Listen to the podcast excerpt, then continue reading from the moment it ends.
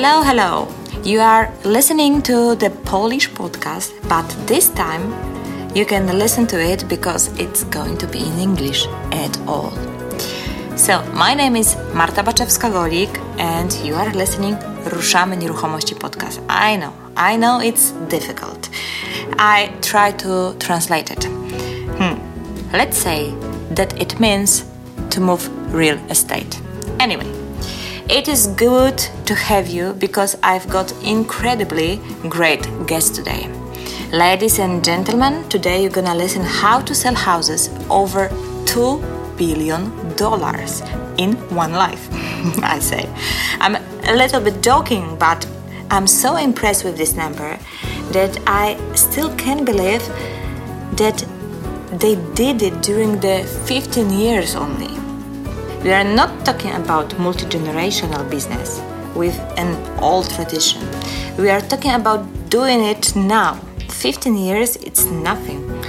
And my guests, Josh and Matt Altman, developed their real estate agency from zero to two billion dollars Jira. That means that they really know what they do, no doubt. What is the key to their success? How to build client trust. How to build your network, which will give you such big numbers. And many, many more you will hear in this interview.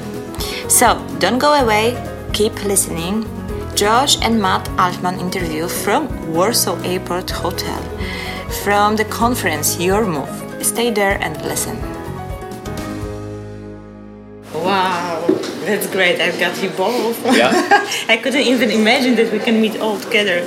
Okay, hi, it's really a pleasure to meet you guys here in Poland. I know that this is your first time, but can you, from the very beginning, tell me what's your impression about the Poland? Uh, we're very, very impressed with Poland. We didn't realize it was such a beautiful country. Uh, we were amazed and, and touched by the Polish people and the history of Poland. You know, the first thing we did when we got here is we went to the Warsaw Rising Museum. And just seeing the history of how strong these people are and how proud they are, it, you know, it very much touched our heart. And our grandmother actually is from Poland. Really? Yeah. Really? Yeah, so we're one fourth Polish. Really? Yep. Great. Ah, uh, there are many Polish people living in the US, so Yeah. so this the probability is quite big Yeah. to have someone Exactly. somewhere in the family. Great. I just tell that my guests are Josh and Matt Altman, and both of you guys living in LA. Yeah.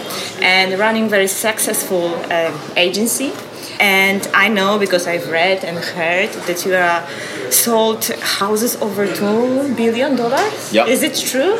That's How did you do it? That's that's that's a lot a lot of work and a lot of hours. Yes, I can imagine. How did you do it?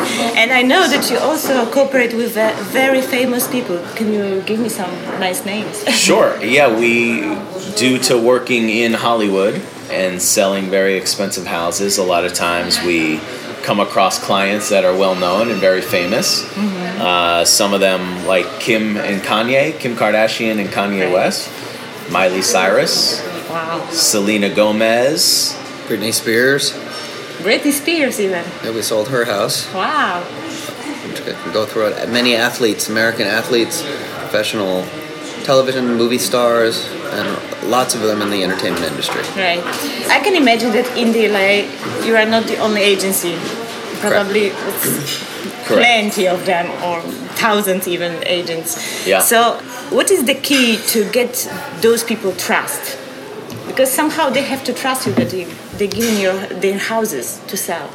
Right, uh, Matt, you want to talk about being an expert? Sure, it's we we specialize in what we do, and we're known for taking the time and waking up in the morning and going through the MLS and knowing what the market has. And people trust you when you're an expert at what you do. So we basically have catered our business to high net worth individuals and to celebrities and to athletes. And once you do well by one of them, it's something that's been able to bring us a lot of business because we work with a lot of business managers and accountants that work for these firms and work for these clientele. Right, right. And I read your book, and I get impression that you are even more than agent. It's like a kind of Concierge service. Yeah, but networker as well. Like I would say that real estate networker. Yeah. Because you're really good with the connection. Yeah, I think that's an important part of, of our business, and in order to be successful in the higher end real estate business, mm-hmm. is to be available 24 7. Being able to have the ins and outs of your community because we don't just sell real estate, we're concierges Yeah. at this point. And We sell a lifestyle, is the way we like to talk about it. And Josh sells the dream. Yeah. Yeah. Yeah, and uh, we always treat our, our clients' money like it's our own money. And Right. when you make a lot of money for people, they start telling their friends. And that's how our business grows. Yeah, but I can imagine that uh, at the beginning you, you didn't have such clients with the big names. How it happens? How did you start? If you could give some advice for beginners, uh, agents, uh, what should they do? Well, I think, uh, first of all, you have to love what you do. Yeah. We love real estate more than anything else in the world. So for us, it's not that we go to work every day. We have fun every day because we love what we do. We started with nothing. So people love to read the book, Toujours, Tu- Toujours, Twój ruch. Tu- Tu- Too rich? More practice. Pretty close. You're gonna be Your great. move. Your move. Your move, yes. Uh, they like to read the book because it's very relatable. Because we didn't uh, have money, uh, we moved out to Los Angeles with nothing, and we worked our way up. I started in uh, the mail room, and so did Matt, and we've worked our way up to be very successful at what we do. But at the end of the day, it's because we love it and we're experts at what we do. People trust us with their money, and, and, and we've put a lot of time into it. It's not easy. It didn't happen overnight. of course. We've been in real estate for 15 years now. Yeah. Before that, I had a career in entertainment. So our first clients were people that we spent another eight years building relationships with. I see. And actually, our first our first client I think was a young girl named Kim Kardashian, who we ended up selling a little condo to in West Hollywood before she became who she was. And it sort of blossomed into the people that she was in and her community, and that, that was sort of our, our start. Yeah, great, great. And I was impressed of your stories uh, in the book when you are getting to know those people, like in Starbucks, in a gym, whatever. And it, it must be a kind of self confidence, a strong one. Uh, yeah, I wasn't always the most confident person, but once you start realizing that you're very good at what you do, the confidence comes with it. So, for people who read the book who might not be the most confident, might not be the most outgoing type of person, that comes with success and that comes with being an expert. So, yes, I'm, I'm going to talk about a lot of those today that were in the book. Yeah. Some of my favorite stories. And uh, the reason why I tell them is because it's great learning experiences because it can happen to anybody and anybody can do it. And uh, we always say it's so important to tell everybody what you do for a living, especially in our business. Yeah, this is very important, and you have to read it in the book because the stories are great. this is for sure.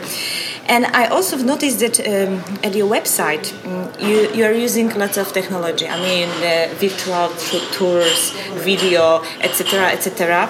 But on the other hand, you have all this connection and marketing stuff.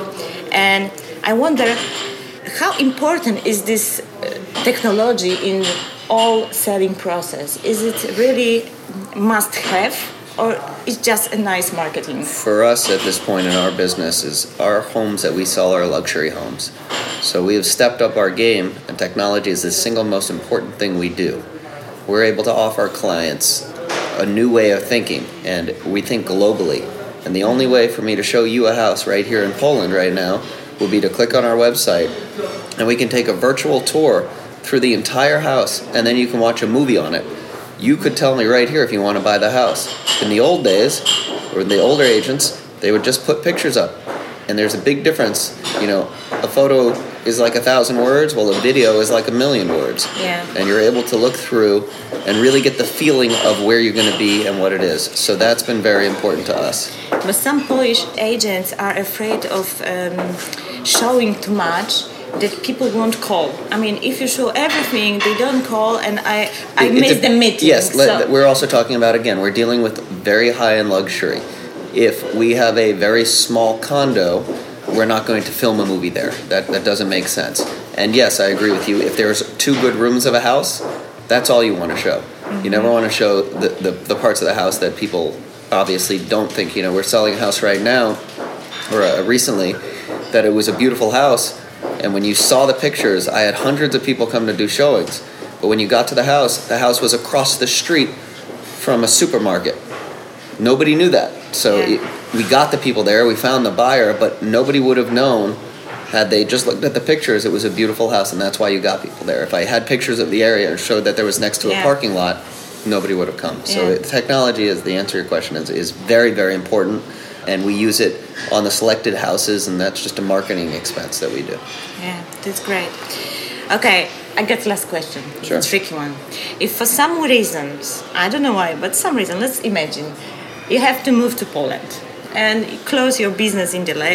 I don't know why, but you have to close it. You have to move to Poland and you would have to start like from the beginning because this is new market, new people, you nobody know.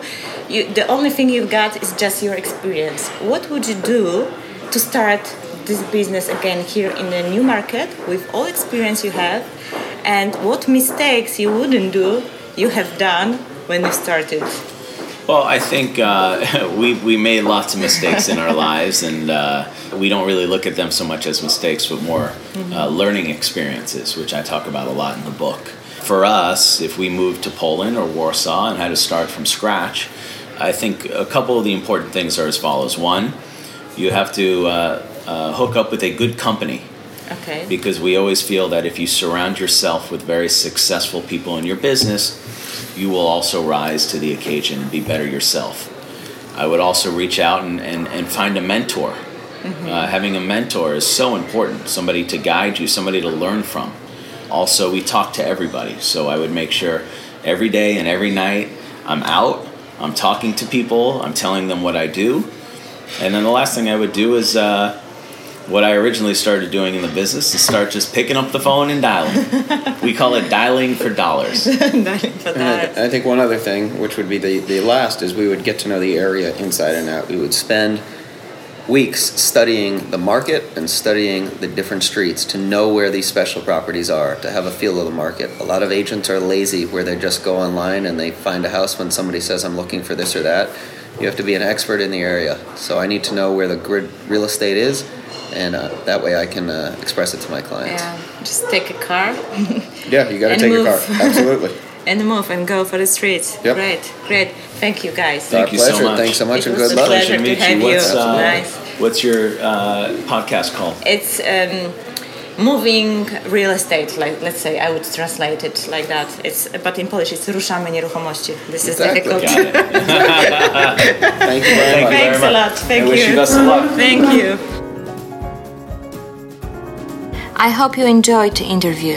I recorded in the hotel lobby, so there were some noises behind, but I hope it was still worth to hear it.